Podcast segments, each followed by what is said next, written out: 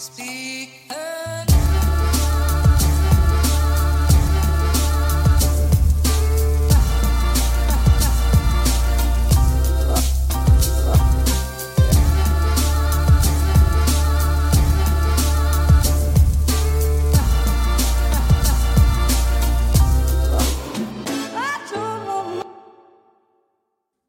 Ja, god dag og velkommen hit til Klagemuren. Det er rett og slett eh, mandag 6. mai, og klokka mi er 13.43. Og hvorfor er du så sent i gang i dag, Kevin? Ja, du, det jeg skal jeg fortelle det. Det er rett og slett fordi at eh, jeg er sjuk. Jeg er kjempesjuk. Jeg er så sjuk at du aner ikke. Eller jeg er forkjøla. Jeg har en høysnue på gang. Eh, jeg lurer på om høysnue det er vel kanskje navnet eller et ord for eh, når du er allergic, når du har en allergisk reaksjon på et eller annet rundt deg, og noe med miljøet, og et eller annet du reagerer på Det kan være, da. Eh, jeg, tar, eh, jeg har mulighetene åpne for at eh, nå, det jeg føler nå, det kan være. Det kan være pollenallergien. Men jeg vet, jo, jeg vet jo ikke hvor lenge jeg har gått rundt og vært pollenallergisk. Altså, Eh, det er jævlig lenge siden sist jeg tok en sånn blodprøve som, som kunne vise allergier, sant? Så for alt jeg vet, så har jeg vært allergisk i ti år. Eh, eller fem, kanskje. Det er i hvert fall, det, jeg tror det er fem år siden sist jeg tok en prøve som ville avdekke allergier. Men eh, det er jo sånn her, med en gang jeg fikk vite om det sjøl, så ble det jo sånn her mm, mm, Ja, selvfølgelig er jeg allergisk. Og da kjenner man jo ekstra på det. Så jeg vet ikke hvor mye, hvor mye sånn her eh, placeboallergisk er, hvor, hvor allergiske er som jeg bare bestemmer sjøl for at 'Å, herregud, hvor allergisk du er, Kevin, du er så bare helt sinnssykt', hvordan greier du å leve i en sånn hverdag så allergisk som du er? Så ille er det ikke. Så ille er det ikke. Men på, eh, eh, på torsdag så begynte jeg å kjenne aner til at eh, det er noe, noe rusk i halsen, type. Eh, jeg kjente at det var et transportjakke i halsen, og så og så kom freitag, og så kjente jeg at nå, eh, nå, er det business i halsen. Nå foregår det ting. Og så lørdag ble jeg dritsjuk. Eh, sånn skikkelig jævlig sjuk. Og i går så lå jeg for døden. Jeg sto opp. Jeg sto opp eh, klokka fem i går morges. For jeg, jeg lå Julianne jobba seint på lørdag, så hun kom jo hjem og la seg rett i seng. Og i fem-halv fem, seks-tida om morgenen natt, natt, til i går, så bare våkna jeg at OK, nå er jeg på tur å dø. Nå begynner jeg å hoste, og da tenkte jeg at jeg står bare opp, eller jeg går i hvert fall opp og legger meg, sånn at Julianne får i hvert fall sove og kanskje utnytta eh, sin andel av eh, søvnkvalitet, sånn at hun slipper å bli uh, altså for, forstyrra av meg og min, og min, uh, min ødelagte fysiske form. Så jeg gikk opp. Jeg gikk rett og slett rett opp, og så la jeg meg på sofaen, og så satt jeg på TV-en.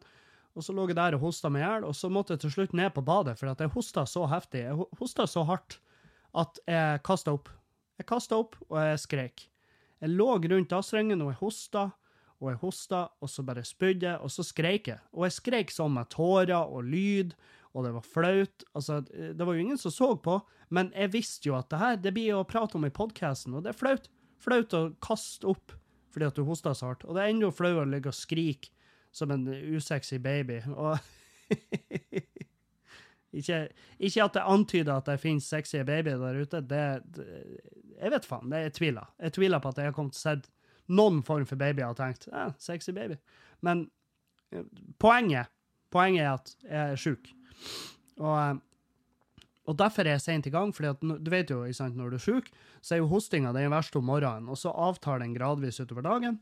Og eh, nå har jeg Han Erlend kom eh, som en reddende Han kom som en reddende engel i går med Cosilan. Cosilan! Hei, hey, garçon! Cosilan! Ja, for jeg uh, Cosilan, som er sånn som, som er vet faen, Jegermeister uh, for uh, Eller gammeldansk, kanskje, for, for uh, på, på, med en rød trekant på, som, som, det burde være på gammeldansk. Og eh, det er jo da, det er jo alkohol i det, eller et eller annet som gjør at du blir litt sånn tøysete. Og, eh, så jeg tok Kosilan, og, eh, Og da, nå er det bedre. Men du hører jo, hvis du hører etter, så hører du at eh, det er noe sagmugg i stemmen til Kevin. Det er noe, det er noe med den stemmen i dag. Og det er rett og slett fordi at jeg er sjuk. Og faen òg hvor irriterende. For jeg liksom hadde ei sinnssykt bra uke. Masse gå, masse turer i fjell og mark, og så fitte fornøyd. Og eh, jeg var og kjøpt med fiskestang, ei fiskestang og litt spinnere, og så kjøpte jeg kroker og dupp og liksom Fordi at jeg vil opp i fjellet typ der jeg kan sette meg med et fiskevann og hive ut duppen og bare vente til jeg ser at den nøkker og så drar jeg inn, og så kan jeg steike en liten ørret eller ei røy, eller hva det heter, og steike den på bålet, typ, og sitte der og nyte en bålkaffe og noe stekt fisk, og, og, bare elske livet. Det, det, for akkurat nå, når jeg har det her fjell, fjellturdriven i kroppen, så ser, jeg, så, så ser jeg på da som mulig den største gleden. Det som, fordi at jeg har jo det jeg oppdaga nå når jeg har gått litt i fjellet, og til og med søkt om plass i 71 grader nord, det, har tatt helt av. Det har tatt helt av. Typisk Kevin. Typisk Kevin å bli så fette gira. Å bli så jævlig gira. To fjellturer, som bare øh, jeg fette Bear Grills, ta oss og slipp meg av i ødemarken, plass, motherfucker. Nei, Kevin. Du, du går du, du er, en, du er, ikke en, friluftsmann bare fordi at du har besteget Keiservarden tre ganger på ei uke. Det er, noe, det er ikke noe, banebrytende med det. Du, du, altså, jeg har jo ikke vært på en fjelltur ennå der jeg ikke ser der jeg ikke ser eh, sivilisasjon. Da er du på fjellet, da. Når du ikke kan noen plass se menneskebygde ting. Da er du på fjellet. Men nå har jeg i hvert fall jeg handla utstyret som jeg trenger for å kunne gjøre det. Ok, Så det er i hvert fall håpet mitt. Men det er jo klart da, hvis jeg skal gå rundt og være sjuk og uh, døden nær så jævla lenge, så vil ikke det. Så blir det lenge til. Det blir lenge til. Men uh, nei, foreløpig. Foreløpig så har jeg trua på at det blir uh, Det kan bli en liten sånn her type tur denne uka, hvis jeg spiller kortene mine riktig. Og jeg må jo ta Jeg må jo som alltid la kroppen heal. La kroppen leges. Og jeg har fått beskjed om at jeg må, jeg må uh, ikke ta alle sånne uh, råd som er typ «Øh, 'Du er du forkjøla, da må du holde deg innendørs, du må ikke bevege deg noen jævla plass, det er dritfarlig å gå ut hvis du er forkjøla'. Det er løgn, har jeg hørt. Det har jeg hørt. Jeg har hørt så mange Altså, jeg har hørt så mange sånne uh, teorier nå om, om Altså, jeg har levd på en løgn. Jeg har levd på en fuckings løgn hele mitt liv. Hele mitt liv har jeg levd på så mange løgner. Som, uh, som sant, uh, det her han, uh, som er han Erlend diskuterte, at uh, du blir ikke forkjøla bare av å være kald. Det er virus og det er masse greier som spiller inn. Det er ikke bare sånn at når du er kald, så, så blir du forkjøla. Det, det våte sokker. Det er ingenting med forkjølelse å gjøre. Og det her er ting som jeg har vokst opp med, at det her er lov. Det her er lov, og det er sånn det funker, og det er ikke noe, det er, det er ikke noe mer. Det er sånn det er. Sånn er livet ditt bygd opp, Kevin. Men det er bullshit, som så jævlig masse annet. Som alt annet, tydeligvis. Fordi at eh, nå når jeg og Erlend hadde den her crosspoden hvor vi prata om vannmengden, for han syns at jeg tar inn altfor mye vann, og jeg tar inn den, det mengden vann som jeg og Trond hadde målt ut, og liksom hva, hvor mye vann trenger han Kevin eh, hver dag. Og da drukker jeg rundt tre liter vann hver dag. Og, ehm, og det viste seg å være svada. Erlend hadde rett. Vann finnes ikke. Vann er uviktig, og det er svada. Det er tull og vas å drikke masse vann. Uh, han drikker hva var han sa, tre glass vann dagen. Uh, Drikker til frokosten og til middagen. Og, ikke sant? og så gir han faen. Han inntar ikke mer vann enn da. Og det er tydeligvis det som trengs. Du skal ikke drikke vann hvis du ikke er tørst. Men det er jo sånn her jeg har, jo, jeg, har jo, jeg har, jo, hørt liksom at hvis du har piss Hvis du pisser og det ser ut som Jegermeister, at det er fuckings, at det er bekmørkt, så, så, er det et tegn på at du drikker for lite vann. At du har for lite vann i kroppen. Så jeg, jeg prøver jo å drikke vann eh, sånn, og prøver å holde et sånn nivå at, eh, at urinen min er i hvert fall lysegul. At den ser ut som en eh, Jeg vet faen. En, en godt utblanda Funlight-saft. Jeg vet faen. Det er bare svak gul piss. Nå snakker jeg om piss i podkasten. Jeg jeg har faen meg nesten 18 000 ukentlige lyttere, og jeg sitter og prater om pisset mitt. Ja, men sånn er det av og til. Det her er helsemessig. Det her er helsetips.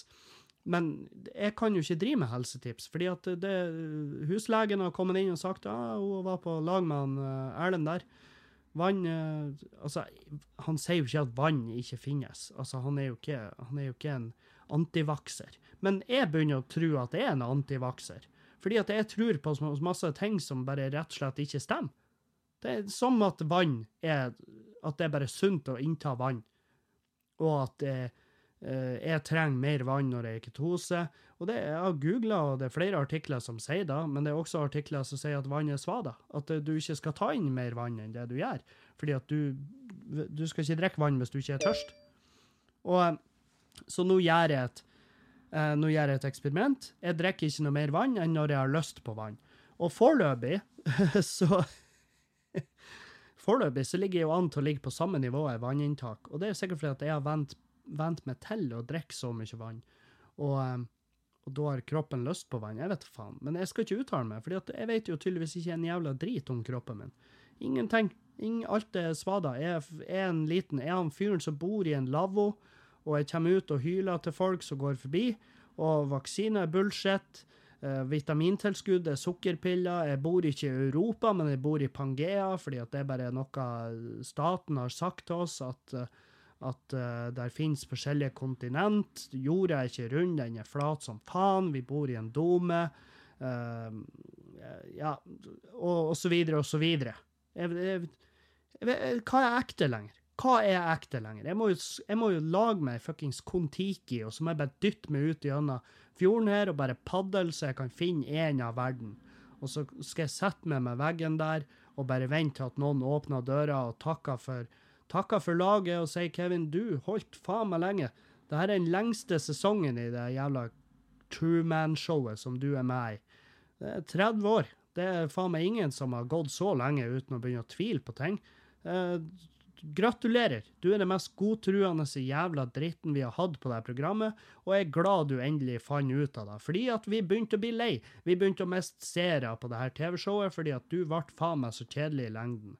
Vi trodde det skulle bli en boost når du begynte med podkasten eller når du begynte med standup, men sannheten er at seerne har bare forsvunnet gradvis etter du slutta som tømrer. Fordi at da var du en spennende fyr og vi tenkte, hva skal han gjøre i dag? Å, skal han skru gips i dag òg? Herregud, det gleder vi oss til å se.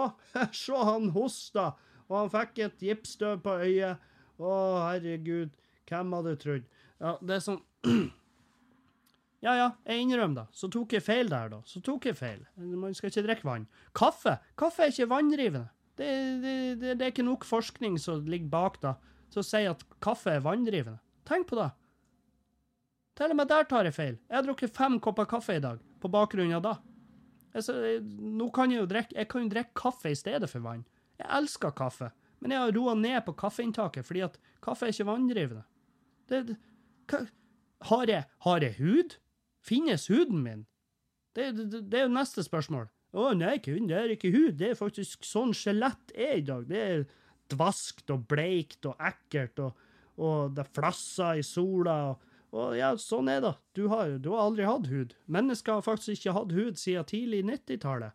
Og da, Eller slutten av 80-tallet. Etter Tsjernobyl så ble vi bare exoskeleton, og vi har ikke hud. Det fins ikke. Det er ikke noe hud. Du levde det du, den vomma di, det er faktisk magesekken din, som du går og dasker på. Og ja, det er litt spesielt, det gror hår på magesekken din, men det er på, på grunn av måten du har behandla kroppen din, fordi at du er faktisk det mest svinete mennesket vi har sett og dokumentert. Og ja, vi har dokumentert det, og så særdeles nøye hvor vi har dokumentert det de siste årene. Fordi at du er et du er et monster, Kevin. Du er først da, med tanke på hvordan du har spist og levd, og du har snorta og drukket og knulla og slåss og herja, og vært et forferdelig menneske. Men vi må innrømme at i det sekundet du traff Juliane, flytta inn hos henne og fikk en viss form for stabilitet i hverdagen, så hadde du vært en kjedelig fyr. Vi savna han tjukke jævla driten som satt og hyla i bilen og trodde at vann var viktig. ah. Faen òg. Faen òg, altså. At jeg skulle ta feil der. Er, det ikke det verste dere vet? Når dere er så sikre på at dere har rett, og så viser det seg at nei. Nei. Du er helt tosk. Du har, du har det samme Du har det samme kunnskapsmessige grunnlaget som en lekastein. Den vet faktisk mer enn det. Den, den viker ikke under press heller. Så nei, overkjørt. Overkjørt totalt. Innrøm da. Tar det på min kappe. Beklager til alle som har drukket masse vann. Slutt med det. Det, det er ikke bra, faktisk. Du tømmer kroppen for viktige næringsstoffer fordi at du bare vasker de ut med alt vannet, og så ender du opp med å få mangel på diverse ting. Så nå, nei, nå er det vannbrems. Nå er det vanndemning inni kjeften min, og, og eh, ja, så hvis jeg får, Men jeg flirer jeg flirer hvis det ender opp Slutten av uka får jeg nyrestein. For det, det, det leste jeg i ene artikkelen, at de som er i ketose og ikke drikker nok vann, de får nyrestein. Hvis jeg får nyrestein, så skal jeg, skal jeg transplantere den inn i han Erlend, og så skal han få lov å peste den ut. uh. Nei, så er jeg forkjøla, er sint. jeg, nei, du, du vet nå. Du, du vet nå. Jeg, jeg blir Med en gang motgang, så blir Kevin aggressiv. aggressiv. Altså, jeg blir lett irritabel, kan du vel si. Eh, fordi at jeg liker ikke å være sjuk. Jeg har vondt oppi bihulene, fordi at de er jo trollet tett. Det er en fest der oppe, og jeg er tydeligvis ikke invitert, men jeg hører jo bankinga. Det er jo bass som faen ifra der. Um, så, um, så der har det vært fest i helga, sjøl om jeg har vært edru. Ja, det er edru helg, men jo, ja, flink, flink du er, Kevin, så har jeg edruelg. Første Edru-elg på lenge. Ja, blir sjuk. Ligger daudsjuk. Mye sjukere enn jeg ville vært hvis jeg hadde drukket. Sjøl om jeg vet jo at mest sannsynlig grunnen til at jeg ble sjuk, er fordi at immunforsvaret mitt har vært helt uh, rasert. Um, uh, på grunn av Jeg får beskjed om at uh, Men det, hva, hva, vet du, Kevin? Immunforsvar, det er sikkert en myte, det òg. Immunforsvar, det finnes ikke. Hva, du, hvorfor skulle immunforsvaret finnes? Sant? Det er så vidt vi, det norske forsvaret eksisterer. Det er så vidt. Det, det, eneste grunnen til at jeg kan si at det norske forsvaret eksisterer, er fordi at jeg har opptredd for dem. Men de er ikke så mange som vi tror de er. Um, immunforsvaret det er bare et ord vi bruker. Det er sikkert ingenting. Det, er sikkert, det finnes ikke. Det eksisterer ikke. Men jeg har hørt at det kan være litt utsatt etter harde treningsøkter. Det er sikkert bullshit òg, men det, jeg har hørt da. og så Jeg trodde jo i starten at det var på grunn av at, at jeg ble sjuk på grunn av um, at jeg ikke var forkjøla, men at det her var allergi. Fordi at det er jo visstnok sinnssykt med pollen. Og, men hva vet vel jeg?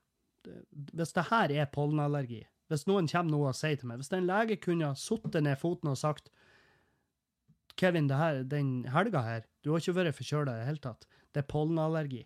Hvis det her er da som er pollenallergi, så henger jeg meg sjøl. Dere hørte det her først. Hvis dere hører, hvis dere ser en avissak om at Kevin Kildahl er død, familien har valgt å ikke gå ut med detaljer om hva som skjedde, så vet dere da fra nå av at da fant de meg denglende i en av et tau. Og jeg har ikke kommet til å gjort det hjemme her, for jeg vil ikke at Julianne skal finne meg. Men jeg hadde funnet en passende plass. Jeg hadde funnet en veldig passende plass. Jeg vet ikke hvor, men en plass der folk kunne tenkt ah, Der fikk han Kevin inn en siste høyrehook på samfunnet. Um, nei, så um, ah, Faen òg. Uh, jeg har vært en forferdelig nabo i dag. For det sto to unger utfor her og prata og ropa og kauka og heiv ting. Og jeg skulle begynne å spille inn podkast, så jeg åpna til slutt så åpner jeg vinduet og sier gutta, kan dere fuck off? Kan dere ha en annen plass? Og da, og da er det sånn Helvete. Kevin, du er jo blitt han 70 år gamle duden. Så er det sånn, kauka ut vinduene mine. Hei, Horunger, fjern dere fra plenen min! Ikke sant? Og det er jo han jeg kommer til å bli, la oss være ærlige. Jeg kommer til å bli han med brillene på enden av nesen, som har en sånn gardin, sånn der horisontal gardin hengende under gardinene. Så jeg bare løfter bitte litt på med to fingre og ser ut og bare 'Nå er de faen meg på tomta mi'. Nå skal de faen meg få svi, de der jævla de horungene. Hei! Og så kauker jeg, og så hytter jeg med stokken, og så sprenger de hjem.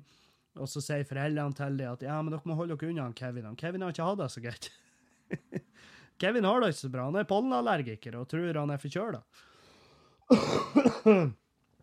ah. Nei, så um, det har vært ei kjip helg. Veldig kjip helg. Uh, vi fikk uh, uh, Vi fikk endelig beskjed om at husdrømmen vår uh, gått i grus. Gått i fullstendig tusen knas.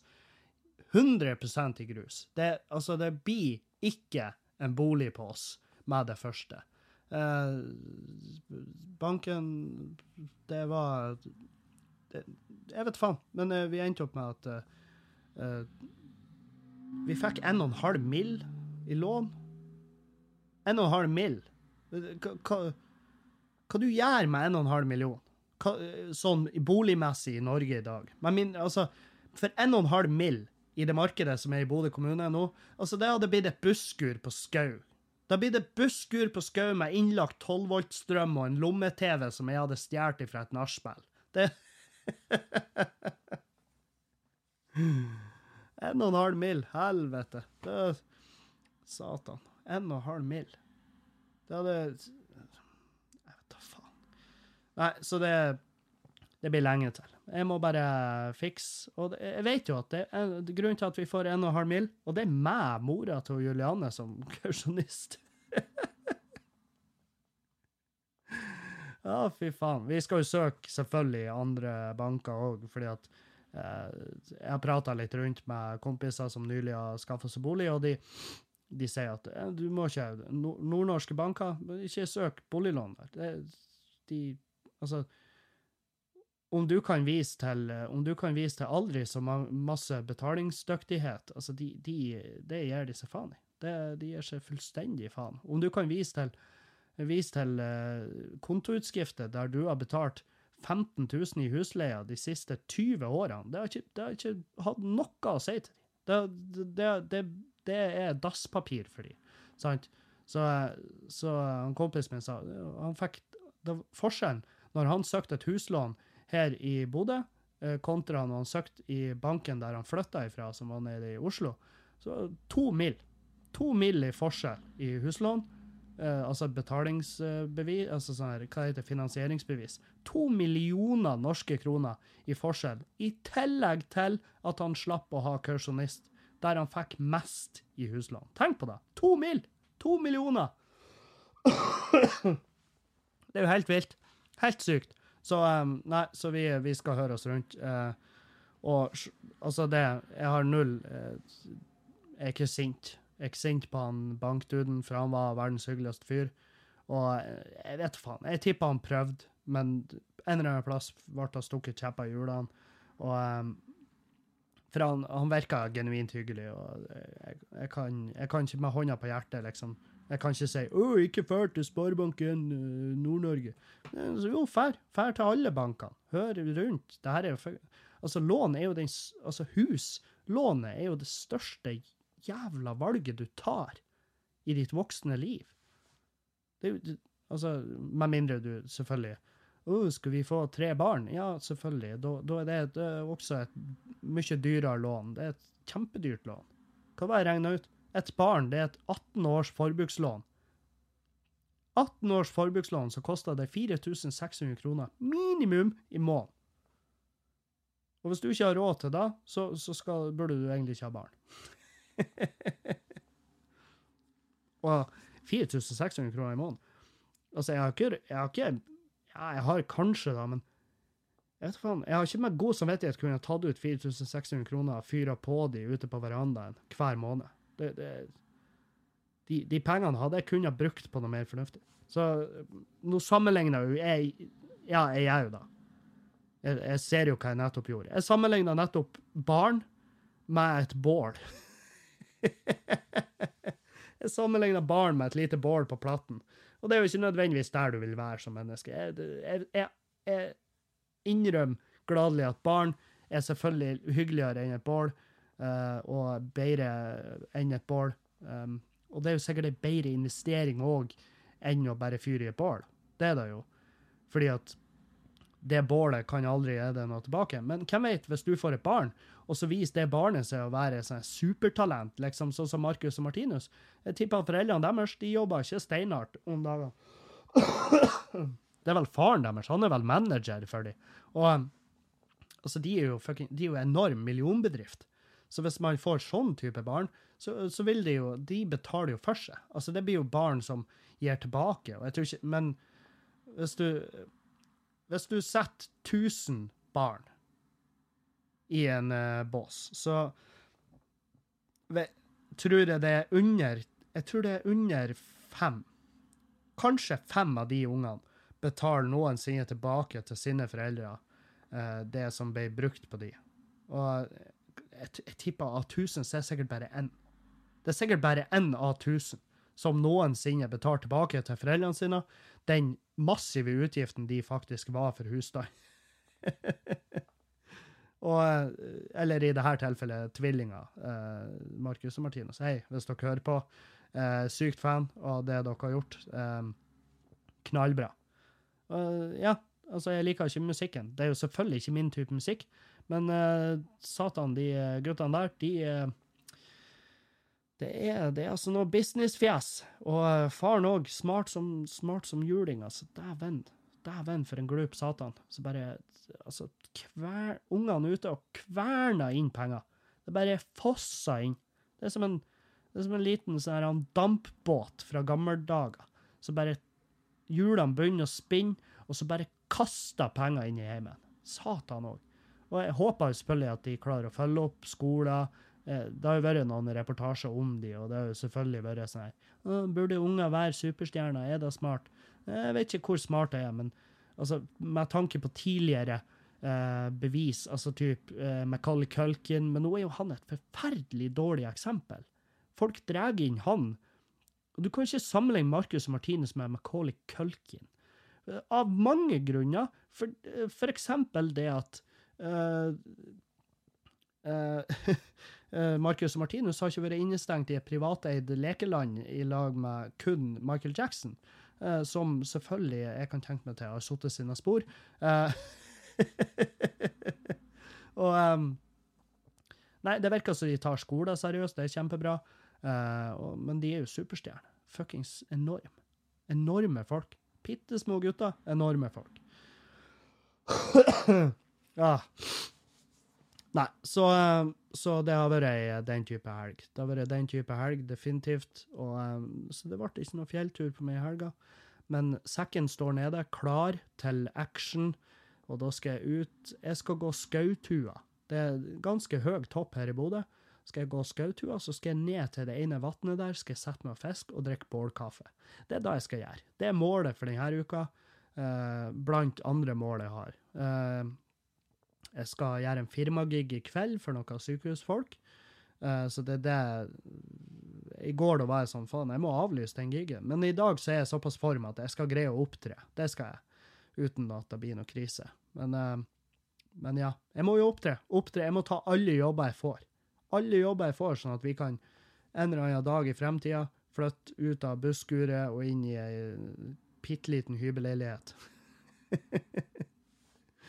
Vi må jo begynne en plass. Jeg, jeg, jeg, skjønner jo at når du skal inn i boligmarkedet, så kan du ikke begynne med ei sjuroms eh, enebolig med 14 mål, mål, tomt i Bodø sentrum. Jeg skjønner da. Den ser jeg. Uh, men jeg skulle ønske det var litt lettere. Litt lettere for oss som ikke har uh, vært smart siden vi var 16, og for oss som ikke har foreldre som er styrtrike. Det skulle, skulle ønske det var litt lettere. Og det er jo ikke noe, får ikke noe husbanklån, fordi at vi har ikke unger. Vi har ikke unger. Hvis vi får en unge vi, Jeg og Julianne vi har faktisk prata om det. Skal vi late som vi er gravid? Skal vi late som vi er gravid? For da Da Skal vi late som vi er gravid, og så Og så bare For da får vi husbanklån. For det er forbeholdt de som tar det valget. Det er forbeholdt de som tar det valget, å få en jævla unge uten å ha en hjem å bo i. Så er det sånn Å, herregud, dere får en unge snart. Ja, ja, selvfølgelig, her har dere penger. Så trør de penger med en sånn stakekost trør de penger ned i trynet på folk når de venter et barn. Vi venter ikke barn, så vi får ikke engang lov å søke. Det står der. Hvis du er under så, så gammel og ikke har unge, så, så ber vi så, så er du i en bra posisjon. Du må bare ta tida til hjelp og spare penger, og så kanskje en dag får du deg en bolig. Det, det, det står der. Det står faktisk der. Tenk på det. Så vi blir straffa for at vi ikke velger å ha et barn. Satan òg. Satan, jeg hater det. Helvete, hvor jeg hater det. Åh, så Vi har faktisk Det er sånn Vi har diskutert barn av alle de feile grunnene. Hvorfor skal, hvorfor skal vi bli belønna med å få en unge? Det er kjemperart. Det gir ingen mening. Å, jeg blir så forbanna. Helvete, hvor sint jeg er. Uh, ja, nei, så jeg har ikke hatt det. Jeg innser jeg har ikke hatt ei bra helg, og har, eh, jeg innser nå at jeg har ikke noe bra dag heller. Det er ikke noen bra dag. Mac-en min er ikke kommet. Den er på Fauske. Og det er jo ikke det, Altså, det er jo ikke der han skal være. det er jo ikke der han skal være. Han skal jo være her. Men da vet jeg at han kommer. Da vet jeg at den kommer, og den kommer før eller siden, og det er det som betyr noe, fordi at da kan jeg Da kan jeg komme i mål med videoredigeringa mi. Um, og fy faen, hvor jeg gleder meg. Neste uke kommer skrivepulten. Det har jeg fått bekreft, bekrefta. Og, og, ja, så da kan, kan uh, dere som er på Patrion, dere kan dra mer glede av det. Um, faen, jeg driver på å spille inn noen artige videoer der. Sånne sketsjer som jeg tror Jeg tror de kan bli fette artige. Jeg tror de kan bli dritartig. Jeg koser meg i hvert fall med å spille inn, og jeg plages som faen. Og vet dere hva jeg plages med? Lys. Jævla lys. Lys. Tenk på det. Det er for lite lys. Så jeg må kjøpe sånne fotolys. Sånne bokser med lys, sånn softbokser med lys. Fordi at lyset i stua og med eh, skrivebordslampa mi, det er ikke bra nok. Og det gjelder ringlighten jeg kjøpte, GoPro-en på eBay, den suger jo rævhull. Den er faen meg Den, den er verdt si vekt i, i grus. Jeg vet ikke om da engang, for grus koster faktisk penger. Hvis du skal få levert grus fra uh, din lokale fyllmasseleverandør, så koster det mer enn da det ringlighten er verdt. Dæven òg. Batteriet det er jo faen meg en vits. Det er en ren jævla vits. Og det er ikke en bra vits engang. Det er en vits som uh, Nei, jeg vet faen. Det, det, er noen rorbua over det jævla ringlighten. ah, jeg, jeg spilla inn en hel sketsj i går, og så uh, Jeg driver ennå på med det her at jeg skal uh, sketsjene skal være sånn hvor jeg prater med meg sjøl. Så jeg skal filme to ganger, og så skal jeg sidestille videoene 50 hver. Sånn at det ser ut som at jeg sitter og prater med meg sjøl. Herregud, hvordan går det an? Ja, jeg vet, det er helt sinnssykt. Men uh, det, det, er såre enkelt. Men hvis du ikke har bra nok lys, så går ikke det der. Da blir det skille mellom de to videoene. Det blir altfor tydelig altfor tydelig, så det ser bare dårlig ut. Det ser elendig ut, så du, ikke, du som ser, vil ikke dra glede ut av det. Tenk på det. Så ille er det. Ja. Nei, så, så, sånn er det. Eh, jeg har fått spørsmålet Jeg har fått et jævlig artig spørsmål som er sånn her uh, ja, det, Jeg har faktisk ikke lagt inn spørsmålet, men jeg husker, jeg husker sånn høvelig hva det gjaldt. Det var noe sånn her, en fyr som eh, var så fett irritert fordi at kompisen hans kompisen hans driver på og kokkblokker han på byen hele tida. Og eh, spørsmålet gikk sånn ut på hvorfor gjør han det? Hva er grunnen til at han kokkblokker meg? Og det, eh, jeg tenker jo umiddelbart at det her er, det er sikkert mange grunner. Det kan være En av grunnene kan være at han egentlig så er han bare kjempeglad i det, og kanskje han til og med har følelser for det og uh, sitter inne i skapet med noe. Og det kan jo også være at han ikke unner det å få pult. Det kan være så mange ting. Det kan være For jeg, i vennegjengen min, der er vi, der er vi notorisk med kokkblokking. Vi har noen historier der som er Altså, kokkblokkinga vår er ganske legendarisk. Det er Og hvem andre Altså, det, vi har jo en mester i kompisgjengen, og det er jo vår alle kjære eh, Kompost Malone. Dan Robin. Dan Robin Christensen. Kompost Malone eh, som dere alle kjenner til, som har hørt på podkasten tidligere. Og jeg tenkte vi skulle ta så prøve å ringe han, han Dan og høre om han har ei bra kokkblokkehistorie. For jeg, der er, jeg vet der er noe ganske episk der. Så vi skal prøve å ringe han, og skal vi høre hva det går med han, og litt sånn tørrprat. For nå tester jeg ut den funksjonen jeg har på det miksebordet her, at vi kan ta oss og ringe folk. Vi kan ringe folk med miksebordet gjennom telefonen. Det, det er helt sinnssykt. Fremtida er nå, folkens. Dette er teknikken. Så da prøver vi å ringe han da.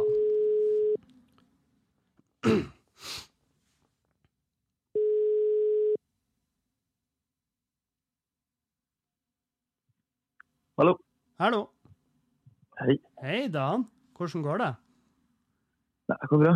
Det går bra? Er du hjemme i Meløy? Ja. Ja. Ja. Hvordan er Du er på podkasten nå, forresten, bare så du vet det. Eh, ja, det har vi. ja. Folk, eh, folk lurer på hvordan går det med, hvordan går det med rehabiliteringa? Hvordan går det med foten din? Nei, det går bare fint. Jeg har vært uh, utover byen helga uten krykker, så det er noe Har du vært og Ja, det uten, uten krykker? kan gå og sånt. Så det er greit. Han tyr ikke. Ja, det er bra. Du, eh, jeg har fått inn et spørsmål fra en lytter, for han eh, lurer Altså, han, spørsmålet hans var egentlig hvorfor driver kompisen min på og kokkblokker med hele tida? Og da tenkte jeg, hvem kjenner jeg som driver på med kokkblokking som en, nesten som en sport?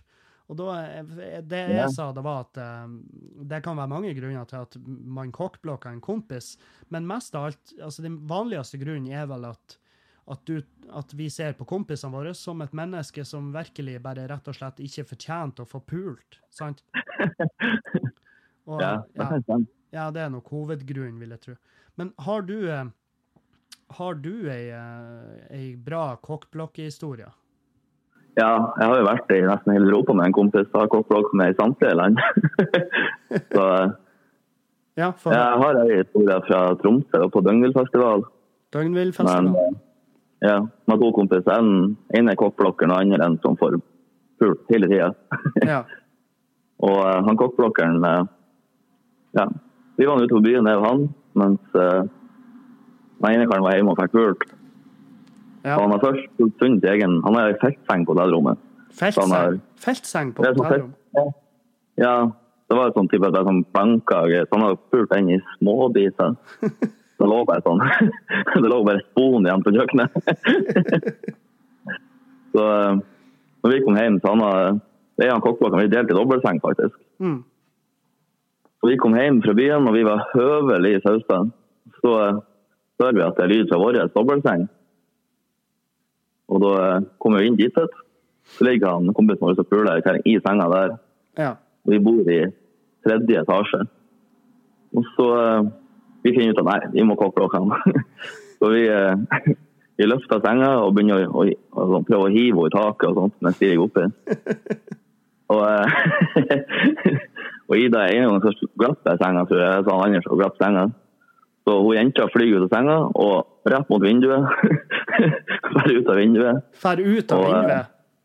Ja, altså overkroppen fer ut av vinduet. Så jeg ble jo kjemperedd å prøve å hoppe etter henne. Så jeg har ikke lyst til at hun skal dø for en kåkflokk. så heldigvis så hekta skoene hennes fast i, eh, i varmen rett ned for vinduet. Så Hun hang bare etter en fot. Og eh, jeg ble jo ganske edru når det her skjedde. Ekstremt edru. Jeg trodde jeg hadde rett, jente. Ja, ja. Uh... Og så uh, sier han kokkblokken bare Der kunne vi den drøye ja, altså, det, det hadde jo vært tidenes historie eh, altså, hvis du hadde måttet sone 21 år fordi at uh, du kom inn på hotellrommet, og så heiv du ei Bertha gjennom ut tredjeetasjen for å Ja, unngå at kompisen din fikk pult. Ja, og så har jeg sikkert gått glipp av oss i Osborn også. Da. Ja, da har du gått glipp av oss i Osborne. Virkelig ikke verdt det. Jeg tror ikke dine med, altså, de du sona i lag med, hadde du, Tror du de hadde hatt en vill respekt for det som, som kriminell, da? Hvis du Nei, det tror jeg ikke. Nei, for du, du, du har jo eh, Altså, du, du er jo eh, Du har jo nettopp vært fylt på. Du har fått mer fjestatoveringer og alt. Altså, du ser, Ja, ja. du ser jo horkriminell ut, men du er jo ikke en skremmende fyr for dem. Nei, det vil jeg ikke påstå. Det eneste Altså, du, Med de fjestatoveringene, det eneste du gjør, er jo at du kanskje stiller dårligere i et eh, jobbintervju eh, i en barnehage, for Ja. Det er jo Kanskje litt verdig som et vitne i en sak også. Noe sånt. Ja, jeg tror en jury Jeg er glad vi ikke har juryer i Norge, for at det, de hadde vel neppe hatt noe problem med å sette det inn. Det er bare sånn, Vi tviler faktisk på om han er skyldig, men se nå på fyren. Noe er han skyldig. Ja, noe er han skyldig. Nei, men eh, takk for den eh, historien, Dan. Jeg skal Ja. Jobbe, jobbe videre, og så høres vi eh, Vi høres eh, neste gang jeg trenger en telefongjest. Ja, det er helt greit. Yes. Hei da. Ja, takk til eh, Kompost Malone for det innspillet. Det er faktisk til dags dato en av de drøyeste kokkblokkhistoriene jeg vet om. Uh, den historien er like artig å høre hver gang. Altså, Jeg vet ikke hvor mange ganger han har fortalt meg den. Og, men det er som Altså, den historien for meg er som å se Lord of the Rings eller, eller se uh, alle Marvel-filmene. Jeg bare legger merke til nye detaljer for hver gang jeg hører den historien. Det er bestandig noe der som bare Jesus. Og, og det her er sant, det her vet jeg. Og jeg, jeg mener også på at For hun hang ut vinduet. Bare etter én fot så hang fast i radiatoren på hotellrommet.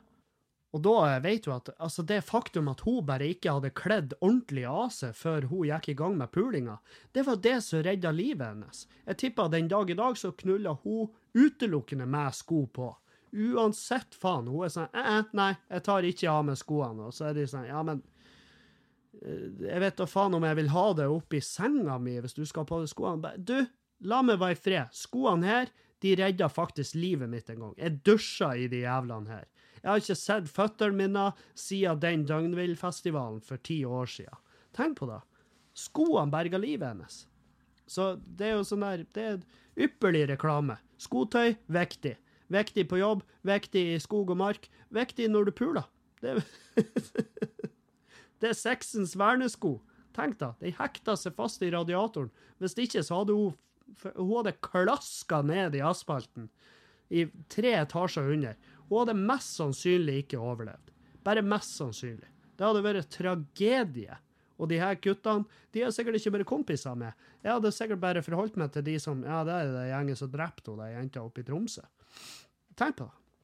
Så sykt hvor tilfeldig det er at, at ting går bra. Det er så mange ting i hverdagen hvor Altså, du vet når du, når du er på tur, når du holder på å skli, eller du holder på å dette utfor ei høgde, og du vet at å, i et parallelt univers så er jeg død nå. I et parallelt univers er jeg i hvert fall lam fra halsen og ned, og har levd livet med særdeles redusert verdighet. Tenk på det. Så jævla lett er det. ah. Nei, det er morbide greier. Det er jævlig morbid å tenke på hvor, hvor enkelt ting kunne ha vært massivt annerledes. Uh, faen, apropos morbid. Uh, sånn her Jeg så det vaskeriet nede i Trondheim som hadde uh, mottatt uh, mottatt eh, en fot. De hadde funnet en fot i en vaskemaskin. Og, eh, og de ansatte har vært sånn eh, Hei, du, det er en fot her. Og de er sånn Ja, visst faen er det en fot der. Visst faen har vi en fot i vaskemaskinen. Og de har ikke, de har ikke frika ut. De hadde, de hadde bare vært sånn her uh, Hvem er det som mangler den? Hvem er det som mangler foten? Og da tenker jeg Hvor masse greier har dere opplevd? Det sto jo at de vaska jo sengetøy og eh, diverse utstyr for sykehuset. Så de, de, deres umiddelbare tanke var at sykehuset de mangla sikkert en fot. Og så viste det seg at det var NTNU som hadde sendt en fot. Altså De hadde pakka den inn i et laken. Det var en fot de drev på forska på. Og den hadde de pakka i et laken, og så hadde den med en rutinesvikt havna hos eh, det vaskeriet. Og så hadde de funnet da den foten når de Jeg vet faen. Og da tenker jeg når, når du står der som renholdsarbeider, og du pakker opp det lakenet, og så ligger det en fot der, så tenk Altså, min umiddelbare tanke har vært Hei, sjef, jeg krever mer i lønn. Jeg får ikke betalt nok for det her. Jeg får ikke betalt nok til å drive på og snuble over med en ren tilfeldighet, bare snuble over kroppsdeler. Det sto ikke i kontrakten, og du har ingen jævla punkt i den kontrakten som kan tolkes dit hen at jeg må bare finne meg i at av og til så blir jeg å ha med kroppsdeler å gjøre. Så hvis du ikke dobler lønna mi i det her fuckings sekundet, så takker jeg for meg. Da takker jeg for meg, og jeg vil ha feriepengene utbetalt umiddelbart, fordi at jeg skal drikke. Jeg skal rett på Three Lions og drukne fjeset mitt i ei heil jævla flaske med Morgan. Skjønner du hva jeg snakker om her, sjefemann? Strålende.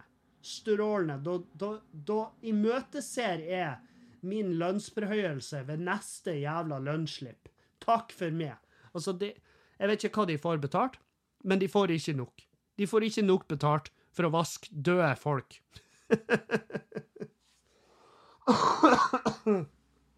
Helvete, kroppsdeler.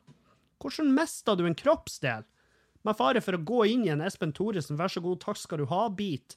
Hvordan klarer du å miste en kroppsdel hvis du jobber med likdeler og har et så jævla avslappa forhold til de at du klarer å sende de av gårde med en tilfeldighet til noen som skal vaske utstyret som du jobber med? Det er jo galskap. Men unektelig en forferdelig artig sak. Jævlig artig sak, og et enormt trumfkort når de skal forhandle lønn.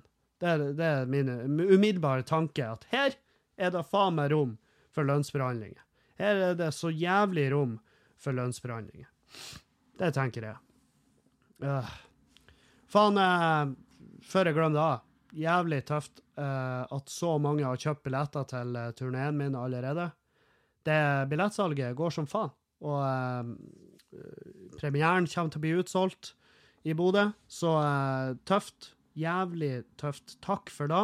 Og dere som vil ha plass på premieren, dere må henge i, fordi at det det er ikke sykt mye billetter igjen. Så det er bare å henge i. Kjøp billetter på forhånd, og ikke syt til meg hvis du ikke får tak i. For det er ingenting jeg kan gjøre for det. Det er ingenting jeg kan gjøre for det. Uh, jeg spurte jo sist podkast hvor, hvor er dere som hører på og har peiling på politikk, hvor er sånn rent politisk? Og da har jeg fått to forslag, eller jeg har fått tre forslag. Uh, det ene var Miljøpartiet De Grønne. Uh, og så var det Rødt. Og så var det SV, Sosialistisk Venstreparti. Og jeg var sånn Ja, jeg vet faen. Det, det sier meg ingenting. Jeg vet, at, jeg vet, jo at de er partier. Jeg vet at uh, Miljøpartiet De Grønne blir kalla for gærninger fordi at de, de skal uh, Ja, fordi at de vil bare Alt skal være dritbra og ingen nullutslipp, og så er folk sånn Ja ja, men hvor skal du få tak i penger hen? Hvor skal du få tak i penger? Hvor skal du få tak i materiellet til å bygge det enorme drivhuset? Hvor, det, det, hvordan skal du få det her til å gå opp? Hvordan skal du frakte eldre rundt i sentrum hvis det ikke går an å få en bil inn der? I? Sånne ting. Um, det har jeg fått med meg, fordi at jeg leser uh, kommentarfelt. Og, men i hvert fall SV og Rødt Mye på grunn av min, uh, min liber liberalistiske holdning til uh, narkotika, for eksempel. At uh, folk må få lov å bestemme sjøl hva de skal putte inn i kroppen sin. Um, og, um, og ja, så jeg tok en sånn valgomat igjen.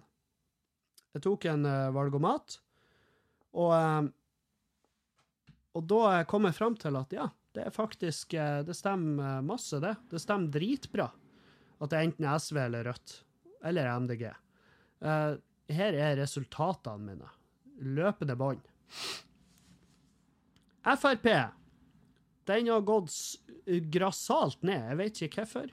Jeg vet ikke hvorfor. Kanskje fordi at jeg ikke vil selge gamleheimene til Dubrovnik Brothers and Care, uh, men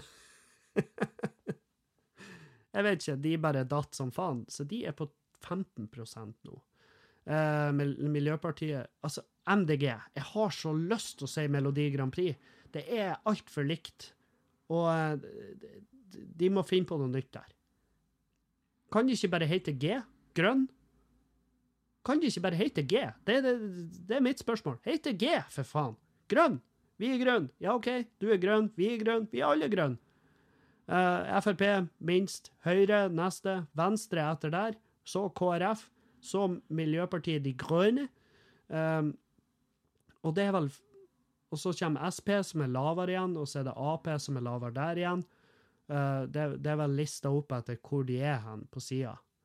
Fordi at uh, Frp er veldig langt til høyre, og så er Rødt lengst til venstre. Er det ikke sånn det er? Jeg tror det. Så venstre er virkelig ikke venstre lenger. Det er midten. Det er, det er bare det er plastelina. Det er blanda plastelina. 73, 73 på Miljøpartiet De Grønne. 73% på eh, Melodi Grand Prix. 93% på SV og 91% på Rødt. Så det er litt sånn hipp som håp hva jeg skal stemme der, altså. Og det her er etter eh, valgomaten til NRK, tror jeg det var. Valgomaten deres. Uh, så det er 93 på SV og 91 på R. Uh, og Rødt, er, ikke det Er ikke de kommunister? Er de altså Karl Marx og det her halloiet, det her gjenget? Å, oh, Kevin, nå er du ute og vandrer igjen. Jeg har ikke peiling. Men uh, Jeg vet jo at kommunismen har feila steinar tidligere. Uh, oi. det er i hvert fall det jeg har hørt. Men det er også da jeg vet. Det, det, det er da jeg vet. Så hvem faen vet? Kanskje jeg er en kommunist? Kanskje jeg er en anarkist? Kanskje jeg syns at folket skal få lov å bare leve? Men uh, veldig mange har sendt meg meldinger og bare det, 'Du er SV. Du er Rødt. Du er SV. Du er Rødt.' Uh, og det, og det, det er artig å se hvor mye det stemmer det folk har det inntrykket folk har av meg etter måten jeg har prata i podkasten og tingene jeg har prata om, um, så er jeg faktisk et jævla sosialistsvin. Uh, og uh, Jævla sosialist. Altså, hvorfor kan vi ikke roe oss ned? Hun, uh, Siv Jensen sa 'jævla sosialister'. Men er ikke da å forvente, der hun er, og den typen person hun er, og hennes tidligere taler og hennes valg av bruk av ord Er det ikke Og rare kjoler. Det er liksom hennes Det det er kjent for. Og, og det var noen som poengterte på en nydelig måte å ta bort fokuset fra det faktum at de har lura Listhaug inn, eh, og alt det andre som foregår der eh, nå om dagen. Eh, men det er jo sånn Hvem bryr seg om å si jævla sosialist? Jeg bryr meg ikke litt engang. Jeg bryr meg ikke litt engang.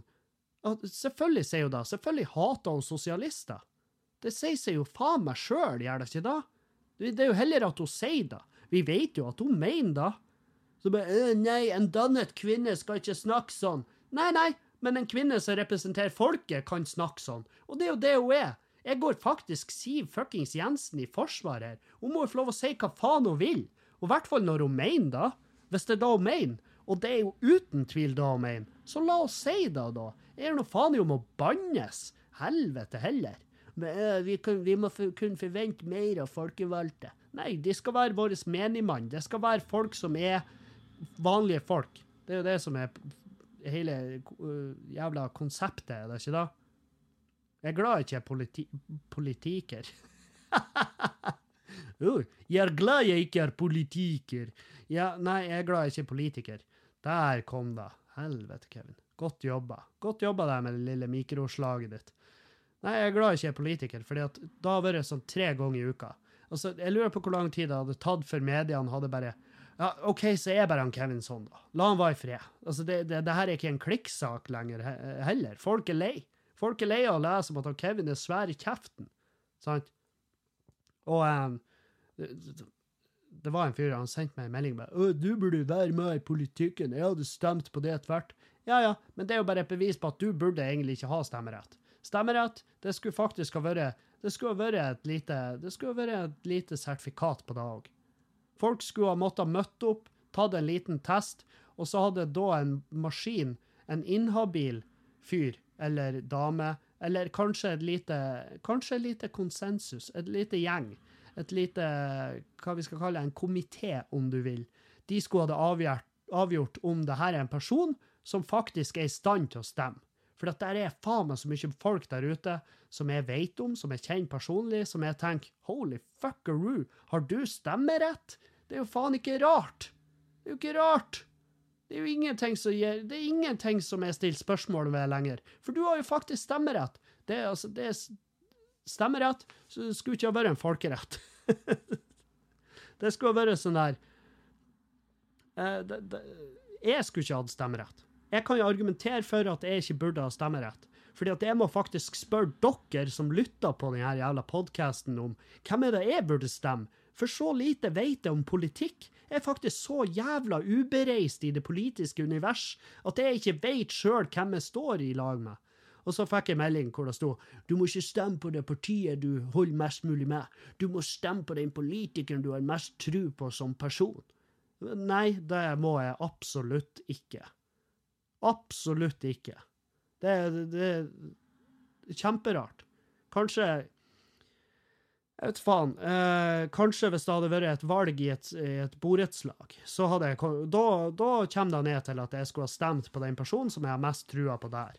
Men ikke, ikke, eh, ikke hvis det innebærer at jeg ender opp med å stemme på på en eller annen politiker som er helt feil jævla parti i forhold til hva jeg holder med. For det gir ikke, det gir ikke mening når jeg hører det på den måten, i hvert fall. Det, det, det er ikke noe som umiddelbart gir masse mening for meg. Det er ikke det. Uh, men ja, nei, så ja, Miljøpartiet De Grønne, SV eller Rødt. Jeg tror jeg har en onk, et onkelbarn som er med i Miljøpartiet De Grønne i Meløy. Og jeg, jeg så på eh, Facebook at de fikk så inn i helvete mye De fikk så mye tyn. Voksne mennesker i Meløy. Og jeg tenkte bare hæ, her er grunnen til at boligprisene daler, og det er fraflytting. Fordi det er voksne mennesker som er sånn her i Meløy. Tenk på det. Det var faen meg, det var rent jævla hat. Det var rein fucking svada som ble skrevet i de, i de kommentarfeltene der, og da tenker jeg eh, og jeg var jo, da, da, da røkka det litt i fingrene. Da hadde jeg lyst til å gå inn og kommentere igjen at, at eh, jeg finner trøst i at om ti år så er du død. Jeg finner trøst i det. Da skal jeg gå jeg skal gå bort til grava di, og så skal jeg si vi gjorde det. Vi greide det uten det. hva enn som skjer, så skal jeg gå på til grava og si vet du hva vi fikk til uten det? Vi fikk det her til, og det var uten det. Mens du lå her og ble makkmat. Du er mat til det lille økosystemet rundt deg. Hvem nå enn som brøyt seg inn i kista di når den kollapsa under vekta av jorda, det er det eneste Det er det eneste du har tilført verden. Det er den lille næringa til jorda rundt der du ble gravd ned. Og vi greide det her uten det. Vi fikk laga ei gangsti. Det er gangsti her nå, og det var uten det. Altså, det Jeg blir, jeg blir så forbanna. I hvert fall når det er voksne jævla mennesker og som går løs på ungdom som prøver å gjøre ting for å berge det her miljøet som vi slavisk de siste 80 årene har gjort alt for å fiste i biter. Altså, vi har fista miljøet så jævlig i biter. Og så, og sitter vi nå og er frekke med de som prøver å berge det. Fordi at de skal jo faktisk ta over. De skal faktisk ta over det her, og vi har gitt faen. Vi har gitt faen. Så nei, dropp. Dropp heliumballonger på 17. mai. Dropp det. Gi faen. Gi faen i heliumballonger. Hva du skal med de? Ungen din klarer seg fint. Trø en is i fjeset på den her diabetikerungen din. Ta Trø et sukkerspinn i halsen på den. Du kommer ikke til å tenke på den forpulte ballongen. Fordi at ungen din med det lille paifjeset sitt blir å slippe ballongen. På et eller annet tidspunkt blir ungen å slippe ballongen, så drar den til værs, og så daler den ut i havet, og så blir en eller annen, et eller annet havdyr og noen fugler døde fordi at du absolutt må kjøpe ungen din en jævla heliumballong. Og så er det også Ryktet sier at vi er på tur å gå tom for helium òg. Som alt andre, andre stoffer vi har bruk for. Og helium, det er ikke Vi, vi fant Det er ikke det eneste bruksområdet til helium. Det er ikke bare å supe det på nachspiel og lage artige videoer hvor vi prater tynt med hverandre, men helium har masse andre bruksområder, medisinske bruksområder, som er kanskje litt grann bedre, litt grann smartere bruk av den type eh, ressurs som det er lite ut av. Annet enn å sitte på nachspiel og prate rart, og trø deg i nevene på ungen din, så at den kan holde seg underholdt i og med at du ikke gidder å bruke tid på å underholde ungen din. Så gi faen i heliumballonger. Vær nå grei.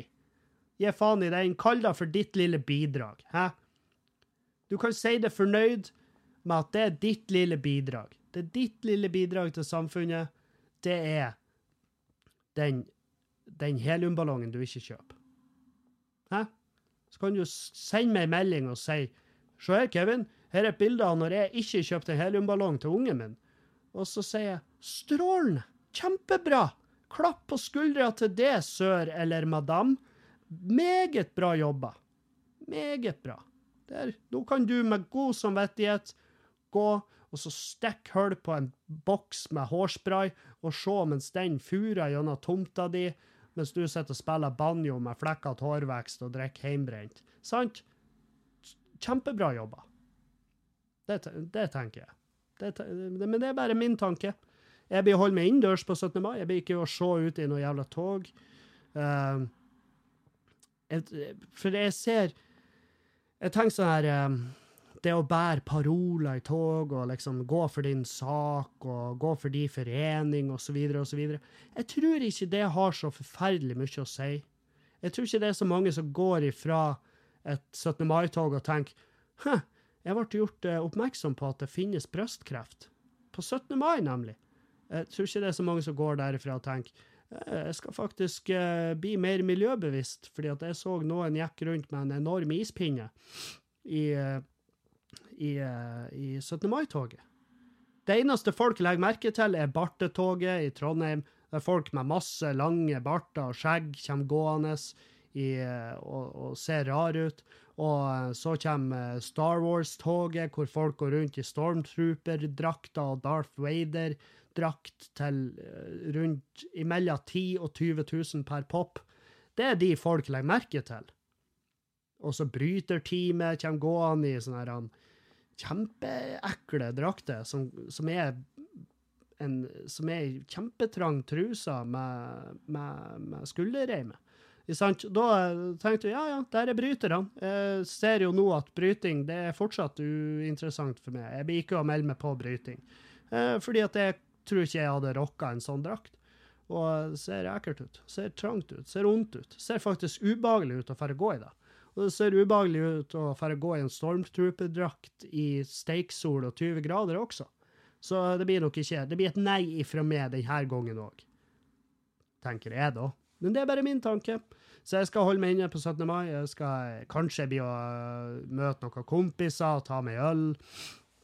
Eh, hvis de har reservert en plass på en uteplass, så kanskje jeg drar dit og drikker øl. Men jeg, jeg blir ikke å se i folketoget. Jeg blir ikke å rope tre ganger hurra mens jeg peiver et flagg. Uh, det blir ikke å gjøre. Det, jeg blir ikke å synge Ja, vi elsker. Det, jeg har en elendig sangstemme, og jeg tror jeg kan ødelegge en del av den, dags, den gleden. Så de folkene som faktisk har glede av 17. mai. For det er et poeng jeg må få gjennom her, føler jeg. Dere som elsker 17. mai, ja, strålende. Hvis dere koser dere på 17. mai, hva bedre dag å fære ut enn 17. mai, da? Kjempebra for dere. Hvis du elsker tog, hvis du elsker lapskaus og sekkeløp og, og eh, potet eller egg eh, i eh, spiseskje og sprenge om kapp med din, din eh, tidligere nemesis fra ungdomsskolen, kjempebra. Hvis du har lyst til å dryle kjerringa di av en stokk med en pose full av vatt, kjempebra. Da er 17. mai det er din dag, sør. Men det er ikke min dag, sant? Det er da. Jeg blir ikke å se en video på TV-en at de her eh, fossilene som bor nede i kongehuset, står og venker til masse folk. Fordi at eh, jeg, jeg er ikke så nasjonalistisk av meg. Jeg føler ikke, jeg føler ikke varmen sprenger nedover ryggen min når jeg hører kongen prate. Jeg føler bekymring for hans helse.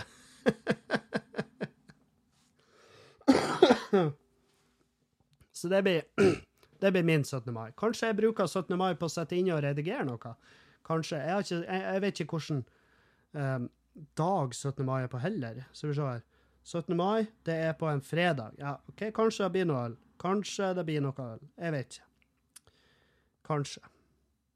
Og det blir, eh, det blir ikke bunad i år, men samtidig eh, så må jeg innrømme at eh, faen, bunader har grodd på meg. Man, den mannlige bunaden har grodd på meg, og jeg vet ikke helt hvorfor.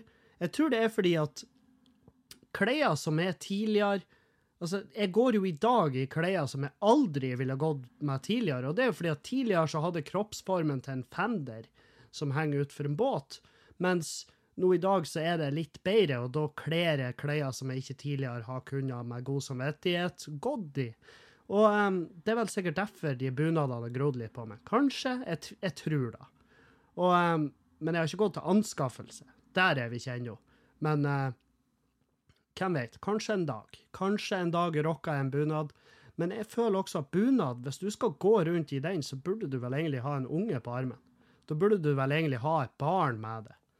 Eh, jeg, vet ikke, er reglene sånn at du må være eieren av et annet menneske for å få lov å gå bunad?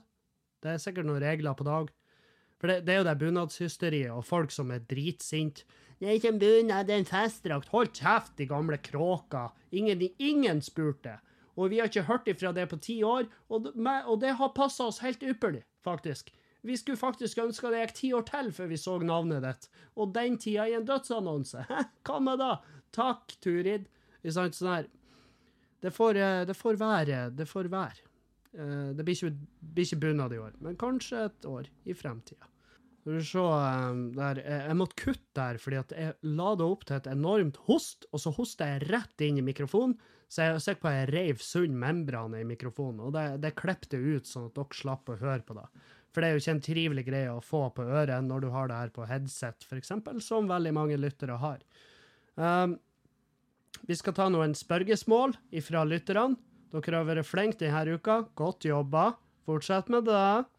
Um, skal vi se Spørsmål til mandagens podkast. Du har gått mye tur, både alene og med Erlend eller Julianne. Men hva liker du best? Gå tur alene eller med noen?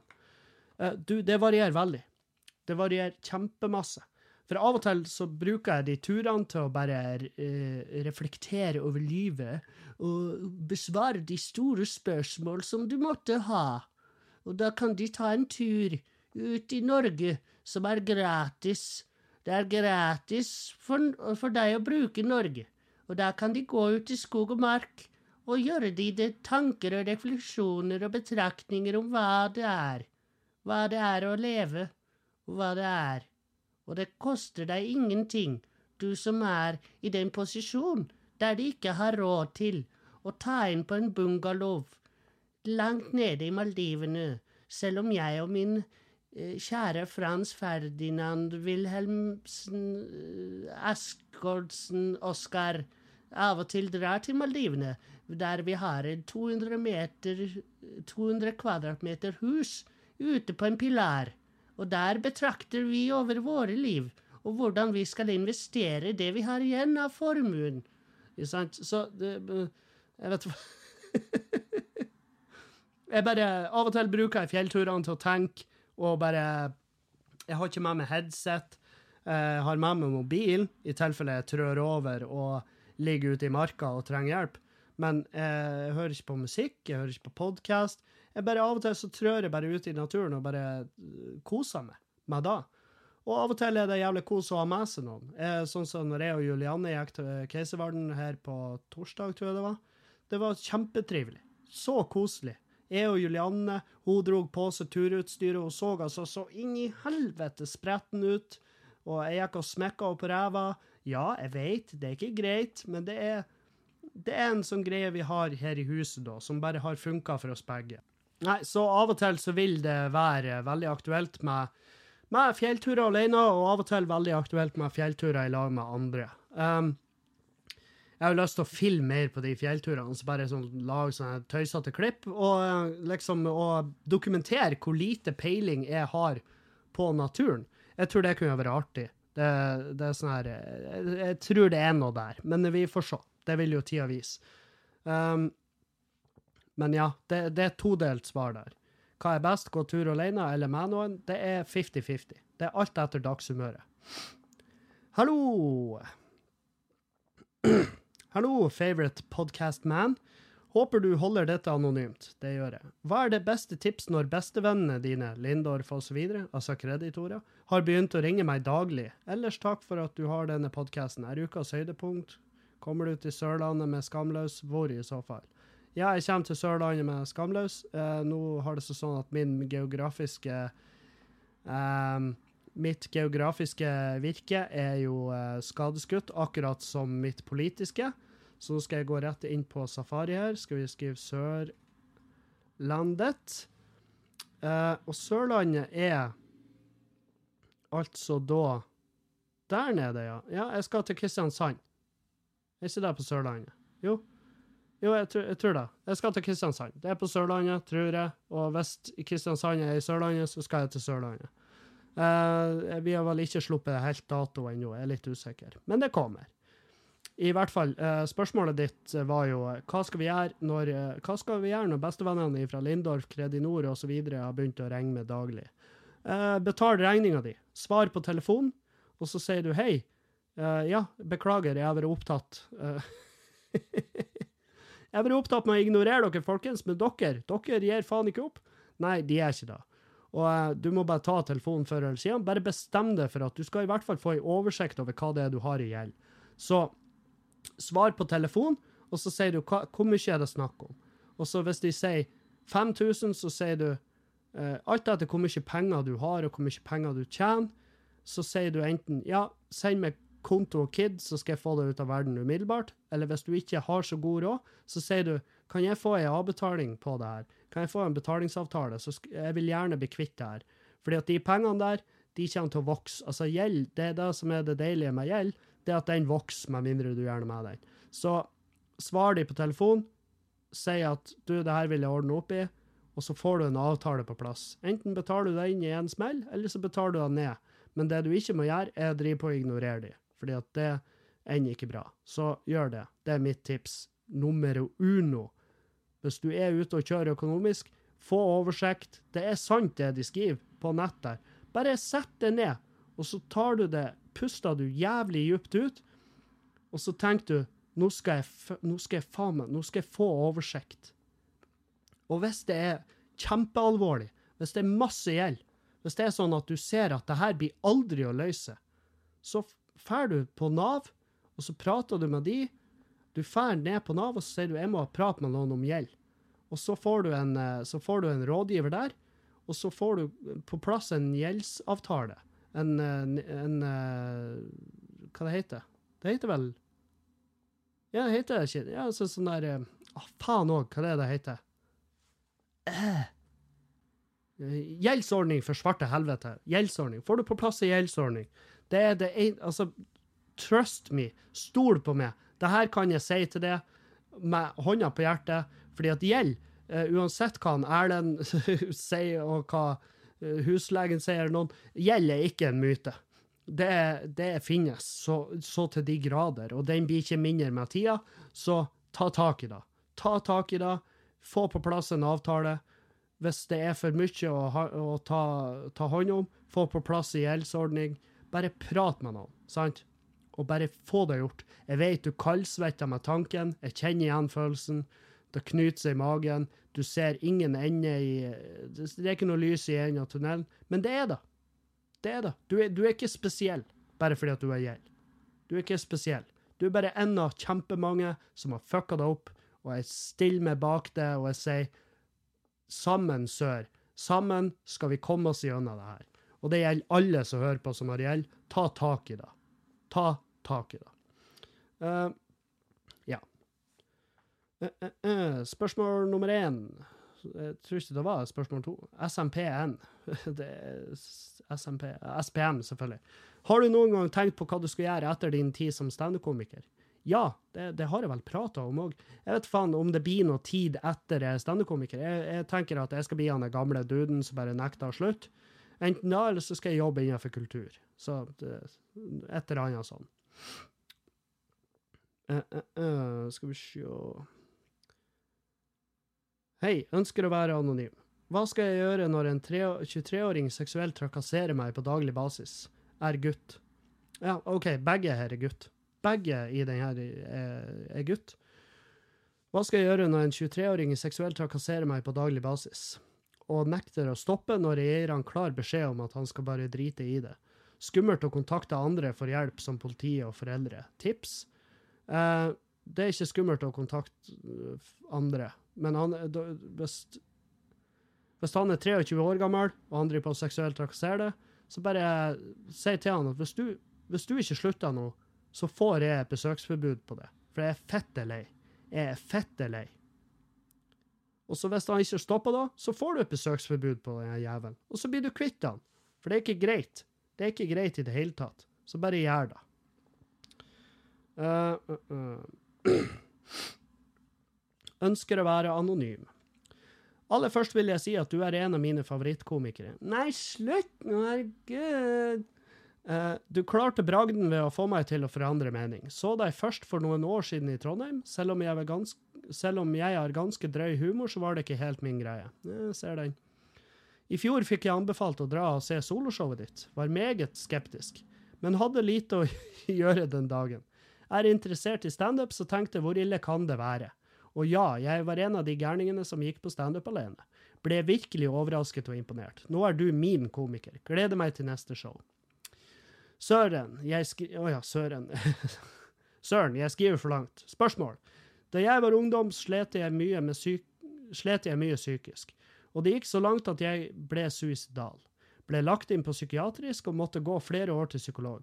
Nå er jeg frisk og rask, men merker at det er mye stigma rundt dette. Har nå fått meg kjæreste og har aldri hatt det så bra. I starten tenkte jeg at, at jeg ville vente med å fortelle han om min fortid. Ikke noe man slenger på bordet på første date. Nei, helt enig. Uh, ikke noe man slenger på bordet på første date. Nei. Tiden gikk, og nå er vi samboere. Jeg har ennå ikke fortalt ham om min tid som syk. Nå har det jo gått en viss tid, er livredd han skal plukke det opp andre steder, men samtidig ikke så ofte slike ting blir bare nevnt i forbifarten. Må jeg fortelle han det? Og hvordan? Føler det blir en stor greie, for hvorfor har jeg ikke sagt det før? Ville ikke at han skal forandre syn på meg. Uh, han, ve han veit at faren min er død ved selvmord, så jeg er redd han skal tenke at slik er jeg òg. Arvesynd og alt det der. Ville du ha visst dette om Julianne om det gjaldt henne, og hadde du blitt skremt bort? Takk hvis du har lest alt til sammens. Det har jeg. Uh, ja, du må fortelle han det. Fordi at uh, sånne her ting, det vil komme ut. Før eller siden så vil det, så vil det nevnes uh, i, annet, i, en eller annen sammenheng. Det, det kan være noe dere sitter og et eller er ute og drikker sammen med venner, og så sier en eller annen venn bare sånn Herregud, du er kommet så langt. Det var ikke bare for ti år siden at du satt her i lag med oss og hadde type og sånn. da lå jo du i reime og kasta opp i ei bøtte, ikke sant? Det var Du må prate med typen din, og så sier du Sett deg ned med han, og så sier du Vet du, jeg elsker det, og du betyr så mye for meg at du trenger å vite det her om meg. Og, og det, det vil ikke bry han noe. Han kommer til å være kjempeglad for at du sier det, og du kan gjerne si at grunnen til at jeg ikke har sagt det her tidligere, er fordi at jeg har ikke følt at det var uh, Det er ikke den personen jeg er lenger, og jeg har ikke følt at det har det har ikke vært en naturlig, naturlig øyeblikk å ta det her opp, men det vil jo aldri være et naturlig øyeblikk å ta det opp. Så jeg sier det bare sånn at du vet det. Her kommer jeg ifra. Dette har vært noe jeg har gått gjennom, og du på mange måter har vært med og hjelpa meg gjennom det. Sant? Og eh, altså, jeg har, vært, jeg har vært 100 ærlig med Julianne fra dag én fordi at um, Fordi at hun trenger å vite alt om meg. Det, og det er viktig for meg. Fordi at det skal ikke være sånn jeg vil, jo, min, jo, jo mindre overraskelser hun kan få, um, jo bedre. Sant? Og, og, det er sånn, ikke skjemmes over det. Du, du har kommet deg gjennom noe som er ganske heftig. Sant? Du har vært innlagt, du har vært suicidal, du lever i dag, du er en samboer. Du, du, har, du har kommet deg ut av det. Og han har hjulpet deg på mange, mange, måter. Og da fortjener han å vite alt det her om det, for han fortjener ærligheten i forholdet. Så si det før at han får høre det i bisetning, for da blir det kanskje å svi. Men jeg kan love deg at han blir ikke å ferde fra det fordi at du har ei fortid. Det blir han ikke. Og hvis han gjør det, så er det kjempebra òg. Hvis han bestemmer seg for å fære ifra det fordi at du har hatt ei rotete fortid, så, eh, så, er ikke det en person du skal være sammen med. Så Men jeg tror det er en, det er en Altså, jeg ville ha kalt det en promille sjanse for at han drar ifra det. Det blir han ikke å gjøre. Han blir ikke å se på det som en jævla gærning heller. For han vet jo hvem du er. Så slapp helt av. Bare si det rett ut. Så det er mitt tips. Uh, ja, og det var faktisk alle spørsmålene vi hadde for dagen. Og eh, det ble jo en lang, fin podkast, det her, og jeg takker alle for følget. Og så høres vi igjen på torsdag. Tusen hjertelig takk for meg, og ha ei fin uke videre. Auf Wiedersehen!